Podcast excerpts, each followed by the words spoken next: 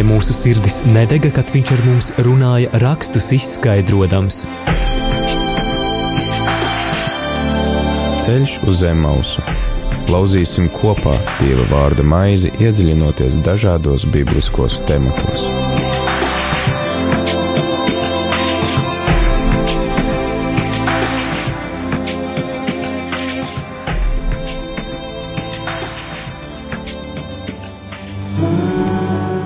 Slavēts Jēzus Kristus, Rādio Marija Latvija klausītāji ir 5 un 2 minūtes 4. 21. septembrī un ar tevi ēterā esmu es priesteris Pēteris. Kā ierasts laiks raidījumam ceļš uz Emmaus un šodien šajā raidījumā tad sarunāsimies ar Gregoru skolas direktoru Raimondu Mežiņu. Labdien! Labdien! Prieks arī dzirdēt, šī jau nav pirmā reize, kad mēs tiekamies šeit ēterā, un šodien tad kopā ar Raimondu pārunāsim Lūkas evaņģēlijas 7. nodaļu no 11. līdz 17. pantam, kuru arī, starp citu, mēs lasījām nesen liturģijā, tas šķiet bija otrdien vai trešdien, kad Jēzus pieceļ no miroņiem kādas atraitnes dēlu, kurš, kuru tā tad arī izvada jau pēdējās gaitās. Tāpēc tagad tad ieklausīsimies Dieva vārdā no Lūkas evaņģēlijas septītās nodaļas. Un pēc tam viņš gāja uz pilsētu vārdā Naine, un viņa mācekļi un daudz ļaužu gāja viņam līdzi bet kad viņš bija tuvu pie pilsētas vārtiem, lūk, iznesa mironi, kas bija savas mātes vienīgais dēls, un tā bija atraitne, un liels pulks pilsētnieku tai gāja līdzi. Un to redzējis, kungs par to iežēlojās, un tas sacīja: Neraudi! Un piegājis viņš aizskāra zārku, un nesēji apstājās, un viņš sacīja: Jaunekli, es tev saku, celies augšā! Un mironis cēlās sēdus un sāka runāt, un viņš to atdeva viņa mātei. Tad izbailes pārņēma visus, un tie slavēja Dievu sacīdami: Liels pravietis mūsu starpā ir cēlies, un Dievs savus ļaudis ir uzlūkojis. Un šī slava par viņu izpaudās pa visu jūdeju un pa visu apkārtni.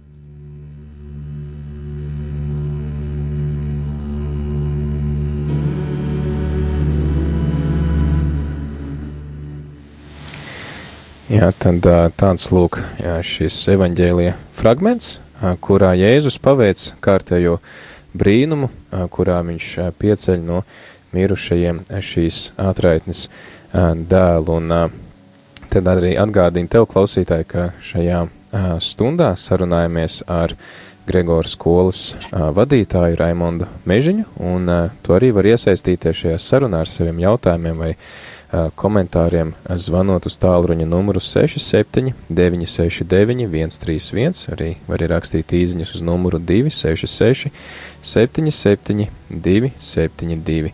Savukārt e-pasts ir studija at rml.lv. Un, ja gadījumā tu vēl neesi sameklējis uh, savu bībeli, tad atceries, mēs runājam par Lūkas evaņģēlijas 7. nodaļas 11. līdz 17. pāntu. Uh, tāds ļoti interesants notikums, un Raimond varbūt uh, sākumā tādu, uh, es esmu dzirdējis tādu skeptisku vērtējumu no citiem cilvēkiem, kas saka, ka, nu, tie noteikti Jēzus brīnumi ir kaut kādi dabiski izskaidrojumi, dabiski izskaidrojamas lietas, jo, nu, ja tie būtu tādi brīnumi, kas ir notikuši toreiz, viņi arī šodien notiktu, bet šodien mēs nedzirdam, ka kāds celtos, piemēram, no mirušajiem augšā. Jāatzīst, ka uh, ir gan notikumi. Um, nav viņi katru dienu, varbūt tās, varbūt ne tik bieži, kā mēs gribētu. Un tomēr mēs pa laikam varam uh, dzirdēt par to, ka arī cilvēki no mirušajiem uzcēlušies. un tas arī kād, kādreiz tas arī ir publiski mm, konstatēts fakts, uh, ka cilvēks bijis miris, viņam mirušu apliecība ir, un tad cilvēki par to lūdzas. Uh, nesen, ne kāds gads, desmit vai padsmit atpakaļ, um, tas bija arī žurnāla tikšanās, kas tagad vairs nav. Um, tur bija tas fakts publicēts, ka Āfrikas valstī viens um, uh, sludinātājs bija auto katastrofā miris. Un, uh, un viņa sieva bija pārliecināta, ka viņš augšā celsies no mirušajiem. Viņš bija jau nomiris, viņam miršanas apliecība, ielikt sev zārkā, un, bet viņi lūdza, lai to zārku aizvedu. Tur bija kāda lūkšanas sapulce, tur netālu tur tajā pilsētā, un viņi bija aizvedusi šo cilvēku un šo savu vīru. Un, un cilvēki lūdzās ne tikai par viņas vīru, bet kopumā tā bija lūkšanās sapulce. Un, un pēc kaut kāda laika viņš augšām, viņš augšām celās no mirušajiem un, un kļuva dzīves. Tas ir brīnums, ko Jēzus tad darīja. Pilnīgi noteikti, lai mums vajag to atzīmēt. Un, un tā tēma, ko es šodien gribu runāt, ir nedaudz plašāka nekā šajā rakstu vietā. Um, arī gribu atsaukties Mārtiņš Luters labi teica, ka, nu, ka raksti paskaidro rakstus. Um, kad pati Bībele, Dieva vārds skaidro uh, notikums, kas ir vienā vietā kaut kur citur.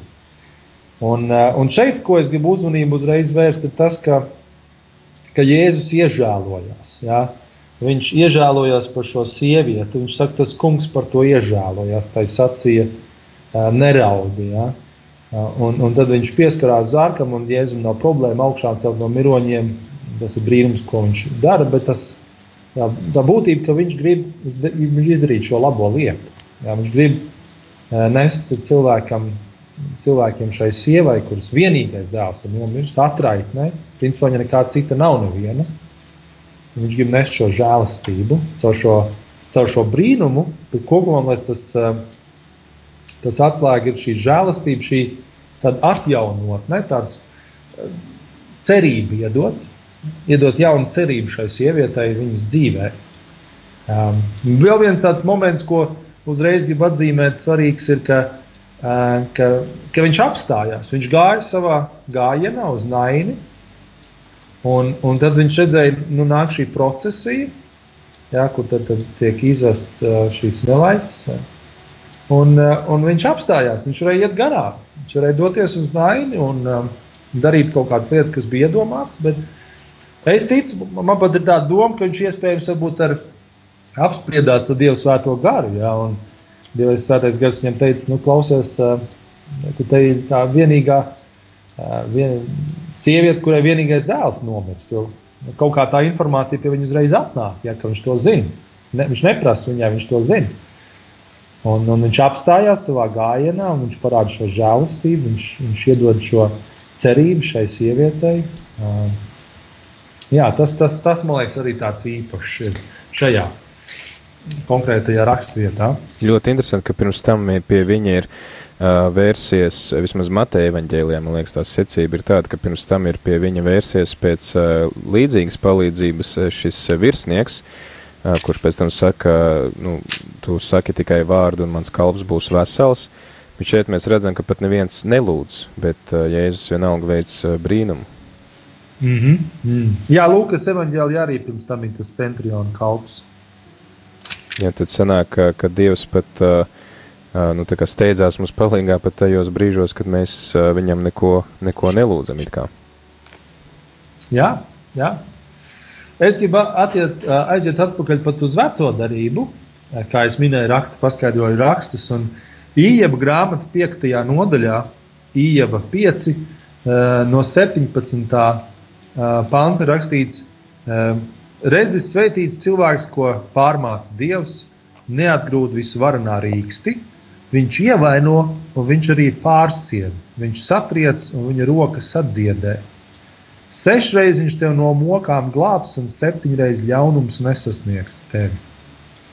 Un tad tur ir vēl vairāk tie panti, bet tā ideja, ka jau Iebu grāmatā tas bija Iebu draugs Elifas, kurš uh, raksturo Dievu, un viņš tādā veidā raksturo, ka Dievs ir tas, kurš, ja viņš iedod kaut kādu bēdu, nelaimi, traģēdiju, tad viņš ir tas arī, kurš atjauno, ja viņš to grib. Un šajā gadījumā Jēzus viņš, viņš gribēja šo, šo jaunekli, šīs atraitnes vienīgo dēlu augšām celt. Viņš gribēja jā, iedot šo, šī gadījumā šo sasiešanu, šo, šo plāksteri, ja tā var teikt, šo, jā, atjaunošana, atdzīvināšana, nu, tā burtiski. Bet interesanti, ka tā īņķa grāmata tā ļoti divdomīgi saka, tā, ka Dievs mums dod to, uh, dod to pārbaudījumu, pēc tam arī pats dziedina, tad kāpēc ir vispār šāds process vajadzīgs, kāpēc nevar iztikt bez šī tāda pārbaudījuma un pēc tam dziedināšanas un plākstera tāda cikla? Jā, nu, to mēs lasām atkal citur, jaunajā darbā. Es nezinu, es uzreiz tagad atradīšu, bet uh, tur bija tas, kur uh, tiek teikts, ka uh, priecājies, ja tev ir pārmācības no Dieva.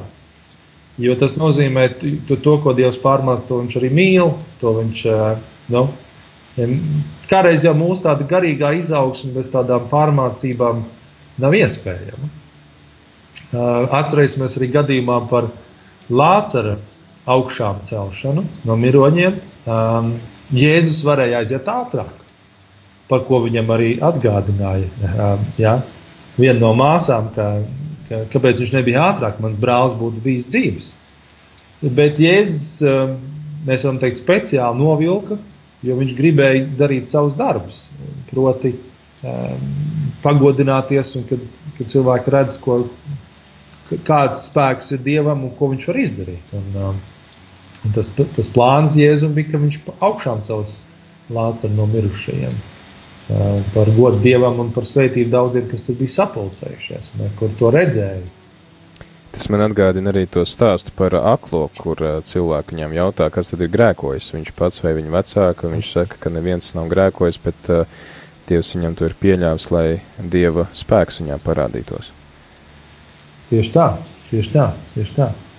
Jā, tad klausītāji atgādinu, ka šī ir saruna raidījumā Ceļš uz Emausu ar uh, Raimondu Mežiņu. Runājam par Lūkas evaņģēlijas 7. nodaļas 11. Uh, 17.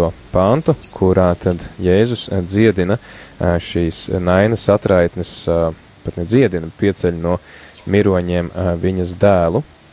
Tagad laiks dziesmai, un pēc dziesmas turpināsim šo sarunu. Atgādini klausītāji, ja tev ir gadījumā kādi jautājumi par šo rakstu vietu vai kāds komentārs, ar kur tu vēlētos padalīties ar pārējiem, zvani uh, uz numuru 67 969 131 vai arī raksti mums īziņu uz numuru 266 77 272 vai arī raksti e-pastu uz studijāt rml.lv, bet tagad laiks dziesmai Tu mani nes.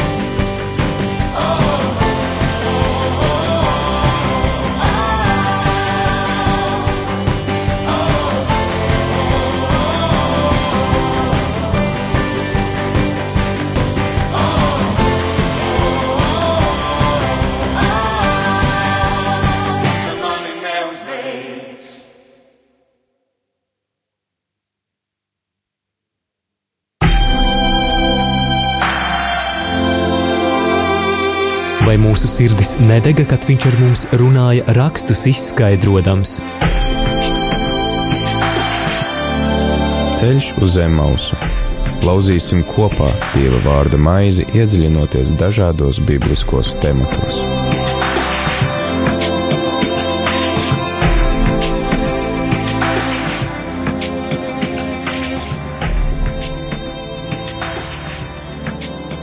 Turpinām rādījumā arī Latvijā ēterā ar ceļu zemaus. Ar tevi ēterās mēs priestris Pēteris un kopā ar man arī ar interneta palīdzību ir pievienojies Gregors skolas direktors Saldu Raimons Mežiņš. Un šodien pārunājam tad rakstu vietu, kuru lasījām svētajos rakstos svētajā misē otrdien. Šo fragment no Lūkas evanģēlijas 7. nodaļas 11. līdz ā, 17. ā, pantam, kurā tad Jēzus pieceļ no ā, mirušajiem ā, šīs atraitnes ā, mūžībā aizgājušo dēlu. Un Jēzus paveic šo brīnumu, un tā mums arī kalpo kā zīme. Īpaši Jāņa evaņģēlijā mēs varam lasīt to, ka Jānis uzsver, ka tas brīnums ir kā zīme kaut kam vairāk. Un tad, Raimond, kas varbūt, kas ir tā realitāte, kuru Jēzus mums vēlējās parādīt ar šo brīnumu, kam par zīmi kalpo šis brīnums? Pirmkārt, jau tas, ka Jēzus vairākās vietās, īpaši Jāņa evanģēlijā, bet citur arī atzīmē, ka viņš ir dzīvība. Un, un es domāju, tas ir tāds, um, kam Jēzus pieskarās, tas kļūst dzīves arī tad, ja viņš ir miris. Jā, un, ja vajadzīgs, viņš izdara arī šo zīmi, augšām ceļ no mirušajiem uh, šo jaunekli. Jā, tā ir tā, jā, par to Jēzus dzīvību mēs varam ļoti daudz lasīt. Es esmu ceļš, patiesība un dzīvība. Es esmu augšām celšanās un dzīvība, dzīvības maize un tā tālāk un tā joprojām. Jā. Un, un principā tas jau bija, mēs varam vecajā darbā to redzēt, kad Kristus to var darīt. Es ticu, tāpēc, ka viņā ir šis arī gars, Dieva svētais gars, kas ir šī dzīvības nesējs.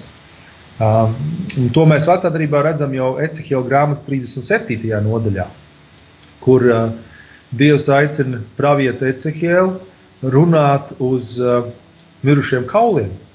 Jā, pravietot uz mirušiem kauliem, un Dievs saka, es uzvilkšu dzīslas un apaudzēšu ar miesu un pārklāšu jūs ar ādu, un es jums došu garu, un jūs atdzīvosieties. Tad jūs zināsiet, ka es esmu tas kungs. Un tālāk rakstīt, viņš saka, es jums došu savu garu, jūs atdzīvosieties, un es došu atelpu uz zemi. Tad jūs zināsiet, ka es esmu kungs. Un arī šeit, šajā rakstvietā no Lukas evanģēlijas 7. nodaļas, Jēzus atdzīvina šo jaunekli, un pēc tam mēs varam lasīt, cilvēki saka, liels pravietis mūsu starpā ir cēlies, un Dievs savus ļaudis uzlūkojas. Proti, tas arī ir šis moments, kur uh, mēs varam pazīt, ka tas ir kungs kungs ar lielo burtu to domu, tas ir tas izredzētais, tas Kristus, tas kungs, kas ir mūsu vidū. Tad dzīvība, Jēzus kā dzīvības devējs, kā, ko vispār varbūt jāsaprot ar šo dzīvību? Nu, mēs, es domāju, ka liela daļa arī cilvēku tagad jūtas pietiekami dzīvi, viņi iet uz darbu, viņi iet uz vakarā uz treniņiem, pēc tam mājās noskatās kādu seriālu, iet gulēt atkal no rīta ceļās, bet tomēr mēs arī svētos rakstos lasam, ka nu, daudzi, nu, no, daudzi tomēr ir miruši, un viņi līdz galam dzīvi īsti nav. Ko nozīmē šī dzīvība? Jā, es tieši nesen skatījos uh, Facebookā um, Reizekne viens pasākums, kur nosaukums ir eh, vai tu esi dzīvs vai tikai elpo. Un eh, tas, ka mēs teiksim, tā fiziski dzīvojam, elpodami, nenozīmē, ka mēs vēl um, garīgi esam dzīvi. Um, šeit um, to labi paskaidro. Uh, ir vairākas vietas Bībelē par to, kas runā, bet tas, ko es tā esmu um, piedomājis, domājot par šo tēmu, ir Galatiešu vēstulē. Ja mēs lasām, ja mēs caur garu esam dzīvi, tad garu vadīt arī dzīvosim. Un uh, pretēji atkal, ja mēs, um, ja mēs um, ko cilvēks sēž, to arī pļaus, kas sēž savā miesā, tas no miesas pļaus postu, bet kas sēž garā, no gara pļaus mūžīgo dzīvību. Un tad runa par labo darbu darīšanu ikvienam. Tas, ka mēs vēl fiziski dzīvojam, nenozīmē, ka mēs esam garīgi dzīvi, un to jau um, nereti cilvēki liecina pie, tad, pie tā mirkļa, kad viņi atgriežas pie Dieva. Tā kā viņi neticīgi atgriežas, tad viņi saka, es dzīvoju, bet manai dzīvei nebija nu, tāda jēga, viņai Viņa nebija tāda dzīvības pilna. Ja? ja tur nav tā dieva gara klātbūtnes, tad viņa ir tāda tukša dzīvošana. Tu dari kaut kādas lietas, tu strādā, pelni naudu, kaut ko pēc, ej un skrien un daries. Un tas viss ir vajadzīgs. Bet, bet tikai tad, kad Dieva gars pieskarās, šī ir atkal rakstvietā, ko mēs pārskatām Lūkas 7, kad Jēzus pieskarās, viņš atdzīvojās. Un, un tā arī mums, ja mēs ļaujamies Dieva garam mūsu ikdienā, bet Dieva gars nāk, tad mēs atdzīvojamies. Mēs varam, mums, mums sāk parādīties tās Dieva gara augļi, jā, mīlestība, un prieks, un miers, un pacietība, labestība, krietums un tā tālāk. Tā pa īstam, patiešām dzīvi. Jā, bet kā tad, lai nu, piedzīvo šo uh, dieva gara uh, pieskārienu, jo Uh, nu, mēs, šeit mēs redzam, ka Jēzus pats iet garām un, un, un pieskarās un dod šo dzīvību, bet uh, mēs arī redzam, ka šodien tomēr ir daudzi cilvēki, kuri, nu jā, tā kā tu saki, elpo, bet uh, varbūt ne līdz galam dzīvo, un arī kristiešu vidū noteikti tādi ir, kas uh, ne īsti līdz galam, nu, neelpo ar pilnu krūti. Mm. Nu, mums jābūt, ir, jācenšas būt tur, kur Jēzus mums var pieskarties. Jā, tas ir viens pirmais punkts, ko uzreiz varētu teikt. Um, Dieva vārds noteikti, jā, sakramenti, dažādi izpratni katrā baznīcā par to. Un tomēr uh, uh, jā, es, es ticu, ka arī mēs varam tās no, nojaust un saprast, ka Dieva gars ir uh, caur, caur slavu un pielūgsmu Dievam. Mēs slavējam, pielūdzam to kungu tad Dieva gars pieskarās, viņš atraisās. Ja? E, nu, tās būtu tās teiktu, pamatlietas, ja?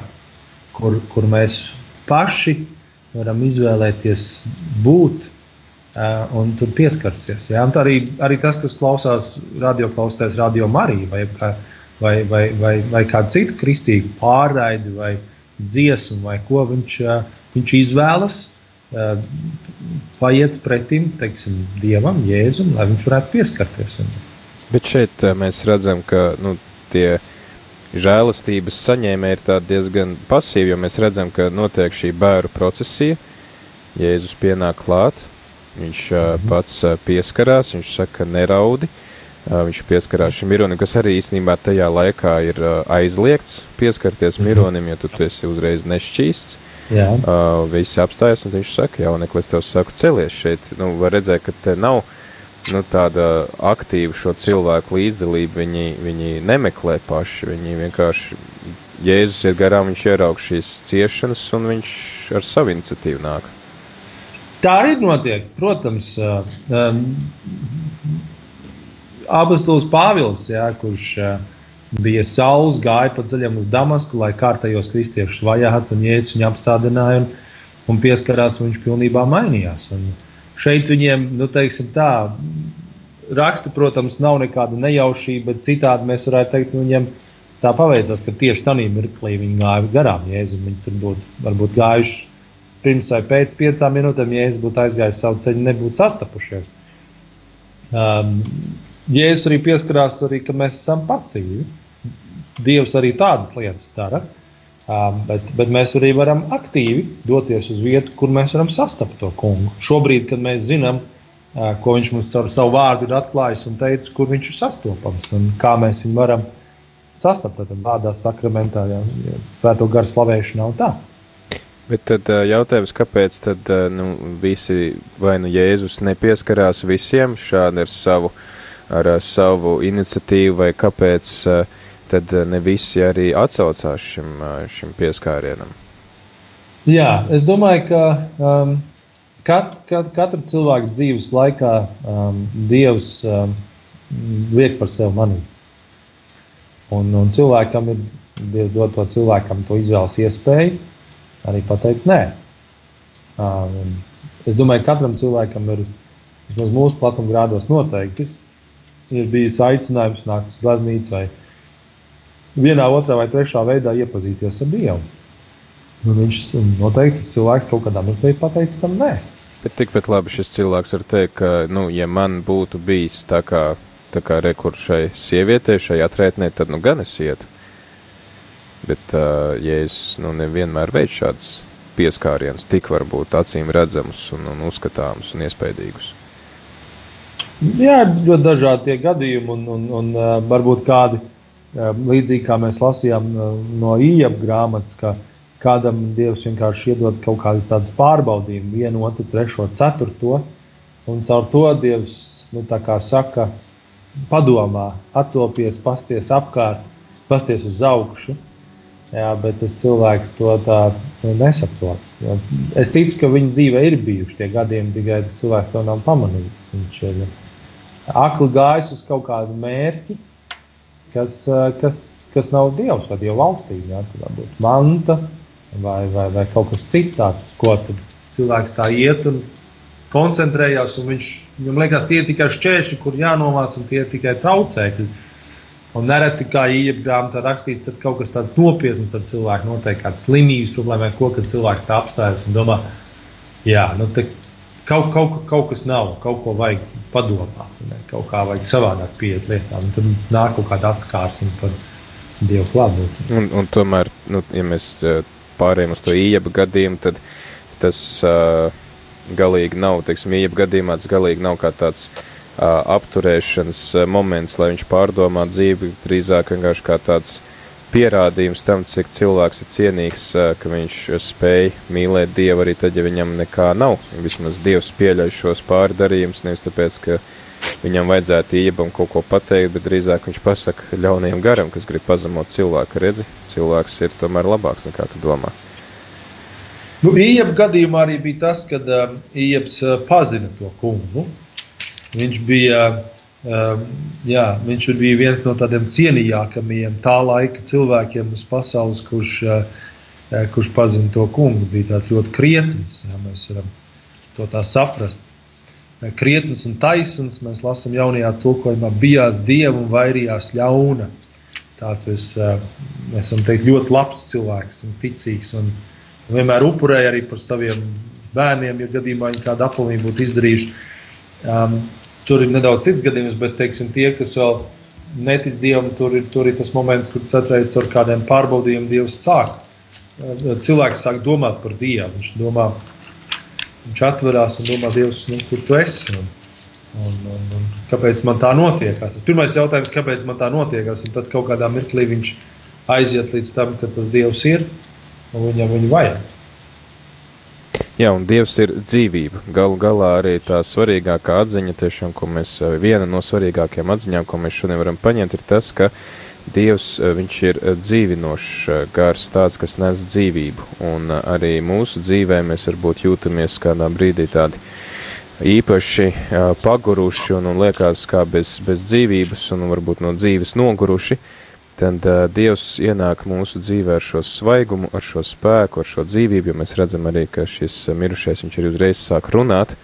Tā arī tāda uh, nu, cilvēka spēja, kas, kas ir uh, tikai, tikai dzīvam esot. Uh, atgādinu klausītājiem, ka šodien tad Šajā raidījumā ceļš uz Emausu sarunājamies par Lūkas evaņģēlijas 7. nodaļas 11. līdz 17. pantu. Tagad laiks dziesmai, un esmu izvēlējies nākamo dziesmu dziediet tam kungam oasis izpildījumā, tad arī dziedāsim, slavēsim viņu par viņa brīnumu darbiem un turpināsim šo sarunu, šo svēto rakstu pētīšanu, arī to, ko šis Dieva vārds mums saka šodien šeit un tagad tiem, kas klausamies un lasam šo Dieva vārdu 21. septembrī 2017. gadā. Jūs klausāties Radio Marija Latvija. Tu augstu esi mani cēlis, tu mani dziedināji. Es augsti teikšu tevi, kungs, es augsti teikšu tevi, kungs. Tu glābi manu dvēseli, tu uzturēji mani dzīvu. Es augsti teikšu tevi, kungs. Es augsti teikšu tevi, kungs. Dziediet tam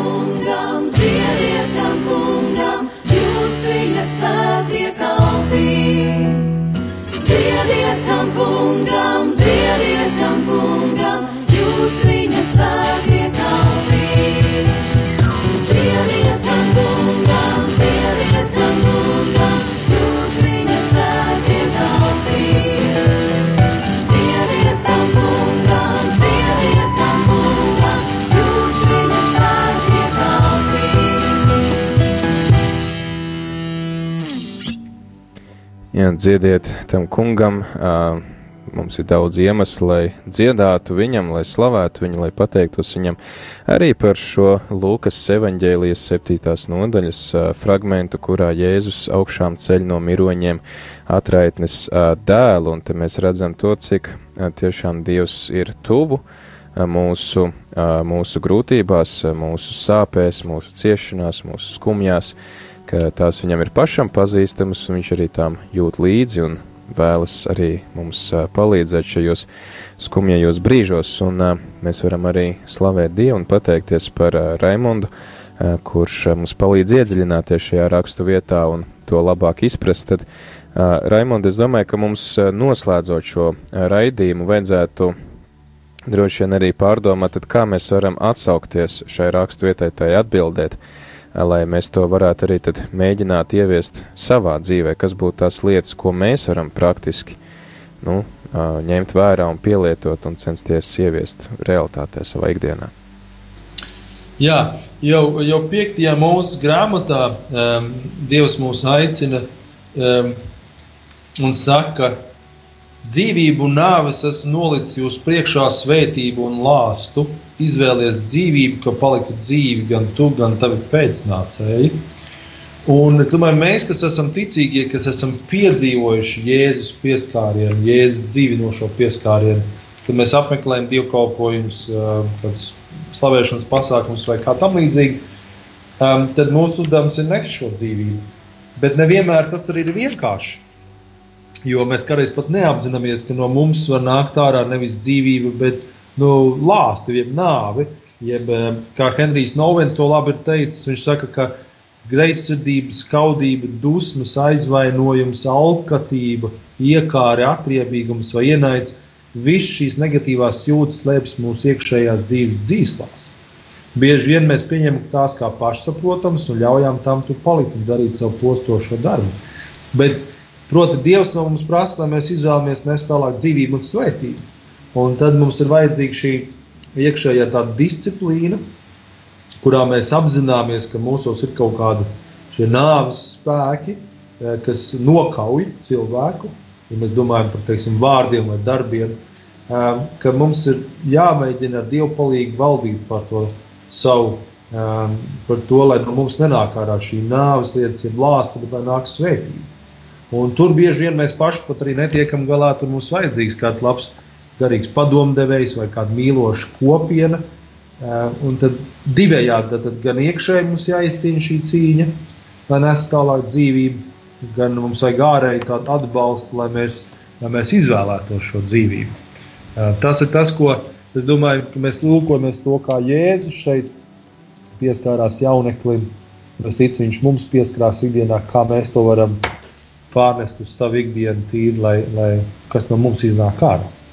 Bet, eh, lai varētu šo dzīvību dāvāt, tā droši vien vispirms ir pašam jāsaņem. Tieši tā. Vispirms ir jāsaņem tas, tas, ko mēs jau runājam šīs stundas laikā, ka mums jāmeklē tās iespējas, um, jāizdara šis, um, šī griba, jānostāda tāda, ka mēs gribam um, sastapties ar Dievu, ar Jēzu.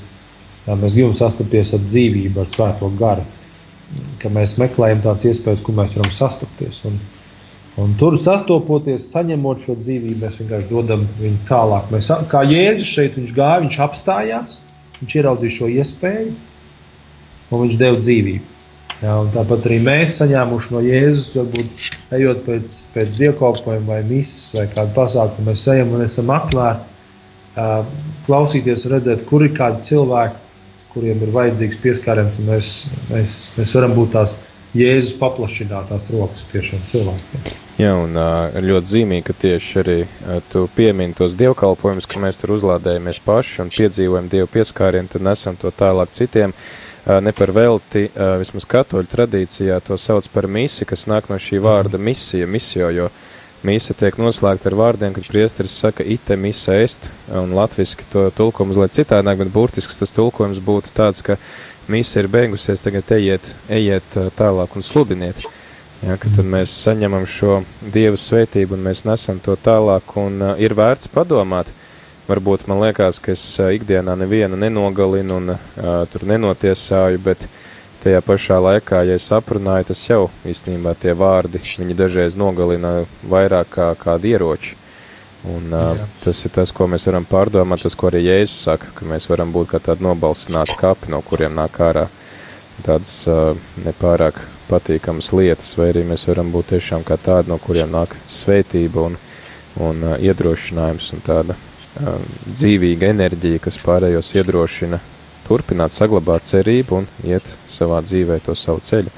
Uh, Raimond, man liekas, ka arī uh, tas, ko šī rakstu vieta noteikti mums iedrošina, ir saglabāt cerību un nepadoties īpaši lielu grūtību priekšā. Jo man liekas, ka dažreiz mums liekas, ka mums ir tik smaga situācija, ka tur vairs nekad neko nevar darīt, bet te mēs redzam, ka pat nāve Dievu neaptur kaut ko mainīt mūsu dzīvē. Jā, noteikti. Šī noteikti ir raksturvieta par cerību. Un, uh, un tas, ko es pieminēju, vēl daudz citas raksturvietas, gan no um, Iebu grāmatas, jā, Iebu stāsts pats par sevi ir cerība pilns, jā, kuram viss tika gan atņemts, nekā nebija un pats vēl bija auguņos līdz ausīm. Un uh, tad, tas, tas ir par cerību. Tas ir par to, ka, ka Dievs var pieskarties un viss vienā mirklī var mainīties. Un, uh, viņš grib pieskarties. Jā, viņš, viņš ir tāds, kurš iežēlojas un pieskarās. Tad uh, es, Raimond, ja kas te tu labo man, bet mēs varētu tad šo visu mūsu sarunu rezumēt tādos trīs punktos, ka pirmkārt, tas, ko mēs, nu, teiksim, tādas trīs lietas, ko mēs varam paņemt šodien līdzi un censties praktizēt savā dzīvē. Pirmkārt, uh, meklēt uh, šo dzīvību, ja es saku, es esmu ceļš, patiesība un dzīvība, tad, tad tiešām meklēt viņu un uh, tad arī tikt piepildītiem ar šo dzīvību. Tas varētu būt tāds pirmais princips, ko mēs varētu mēģināt darīt šodien, rīt un, un, un visu atlikušo savu dzīvi. Tad otrs princips ir uh, censties šo dzīvību dot tālāk. Tad, nevis uh, nokaut ar savu rīcību, attieksmi, vārdiem, bet censties svētīt un uh, iedrošināt un nest šo cerību un gaismu, kas kādam varbūt tiešām būs uh, kā tāds uh, jaunas dzīves sākums. Un tad trešais punkts uh, - neapstāties kaut kādu arī īpaši lielu grūtību priekšā, pat arī varbūt kāda tuvinieka nāves priekšā, jo apzināties to, ka Dievs ir lielāks par visām mūsu grūtībām un mūsu problēmām. Jā, tieši tā. Tieši tā. Jā, tie ir par tādas arī svētības un labu vārdu nešanu. Man, man pašam bija tāda, man Dievs uzrunāja, man 40 pāri gadi ir, un man bija 40 palika, kad jā, Dievs tā kā teica, nu, uzraksti sarakstu cilvēkiem, kur tavā dzīvē garīgi ieguldījuši, um, lai tu būtu tas, kas tu esi. Un es uzrakstīju tādu sarakstu, un tur bija turpat 40 cilvēki. Tas bija ļoti garš saraksts. Un, Un es kaut kādā sapratu no Dieva un apņēmos, katram cilvēkam uzrakstīt vēstuli un pateikties paldies par to, ko viņš manā dzīvē ir darījis. Ja. Un tas, um, tas tagad šo raksturvietu lasot un pārdomas, ko Henrijs Novens tur ir ielicis, ir tā ideja, ka, ka, ka tas bija, ka tas ir tas, ka mēs atrodam, kur mums cilvēki mūsu dzīvē ka mēs atrodam, kas ir labs un ko mums labi ir darījuši, mēs pateicamies. Rakstiski vai mutiski, tam nav nozīme, bet mēs pateicamies, ka mēs nesam tālāk to dzīvi un svētību. Jā.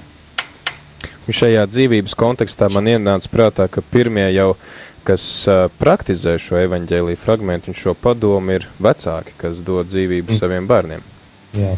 Tā kā arī liels paldies tad visām mamām, kuras izvēlas dzīvību un dara to pat tādā uh, fiziskā veidā, un, protams, arī paldies visiem, kuri nes dzīvību arī tādā garīgā nozīmē un kuri uh, kur iedrošina cilvēks dzīvot ar pilnu krūti. Tā kā, tad klausītāji atgādina, ka šodien mēs lasījām Lūkas evaņģēlijas 7. nodaļas uh, 11. līdz 17. pantu, un to tu vari arī šodien vēl kādu uh, brīdi pārdomāt, vai, vai rīt, kad tev ir laiks, uh, vai, vai vispār, kad tev ir kāds brīvs laiks, tad vari vēlreiz paņemt rokā šo rakstu vietu, un uh, varam teikt arī lielu paldies Raimondam Mežiņam, Gregora skolas direktoram, kas atrodas Saldū. Ar ko vispār nodarbojas Gregora skola?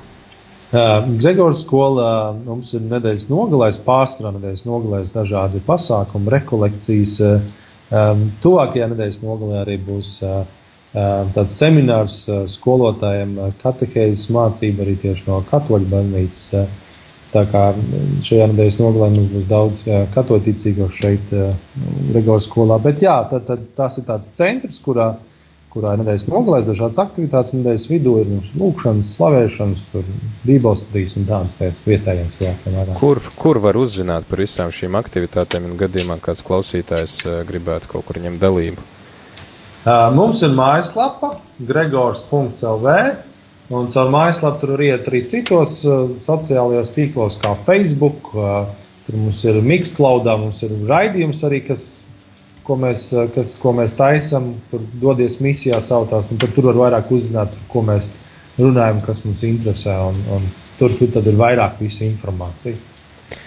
Paldies, paldies Raimond, vēlreiz, un tad atgādinu klausītājiem, ka šīs um, sarunas, tāds sausais atlikums par Lūkas evaņģēlijas septīto nodaļu, par mirušā dēla augšām celšanu, tad ir tāds, ka mēs varam mācīties arī mūsu dzīvē. Pirmkārt jau paši meklēt un izvēlēties dzīvību un tiekties pēc tā, otrs tad to censties dāvāt arī tālāk citiem, un treškārt arī šo atcerieties to, ka Dievs ir spēcīgāks par jebko, ar ko mēs dzīvē saskaramies, pat ja tā ir nāve. Viņš ir to uzvarējis arī ar savu nāvi un augšām celšanos, un arī šī zēna augšām celšana droši vien arī ir kā tāds jau pravietojums par to, kas notiks ar Jēzu. Tā kā ne, nepadosimies grūtību priekšā un vairosim dzīvību, nesīsim dzīvību visiem, kurus Dievs sūta mūsu ceļā. Paldies arī tev, klausītāji, paldies vēlreiz Raimondam, ar to tad mēs arī atvadamies.